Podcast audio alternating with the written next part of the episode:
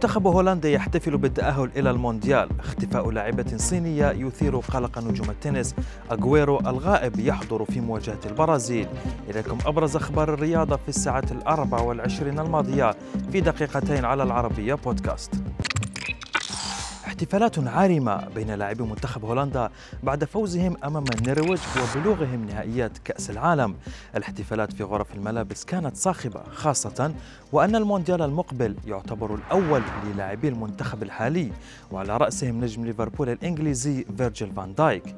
إذ تعود آخر مشاركة للمنتخب إلى نسخة 2014 ولم يتبقى أي لاعب من ذلك الجيل في المنتخب الحالي.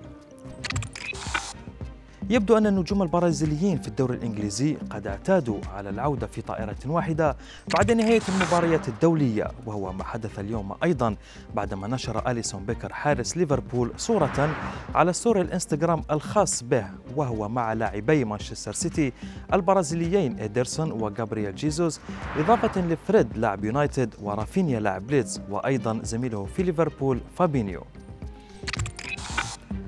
تقدم نجوم التنس العالميون وفي مقدمتهم الصربي جوكوفيتش بمناشدة للصين بالإعلان عن مكان اللاعبة شواي بينغ الفائزة بلقبين في الجراند سلام الزوجي.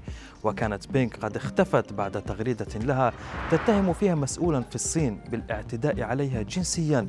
قبل أن تحذف التغريدة هذا الأمر جعل رابطة لاعبات التنس المحترفات تهدد الصين بسحب كل البطولات التي ستقام على أرضها إن لم يتم الكشف عن مكان اللاعبة. في الختام لفتة جميلة قام بها لاعبو منتخب الأرجنتين قبيل انطلاق مواجهتهم أمام البرازيل في تصفيات كأس العالم تجاه زميلهم الغائب سيرجيو أغويرو. لاعب التانغو رفعوا لافتة تحمل صورة ورسالة لأغويرو في الصورة الجماعية التي التقطها المنتخب دعما للاعب برشلونة الغائب عن الملاعب بسبب مشكلة في نبضات القلب.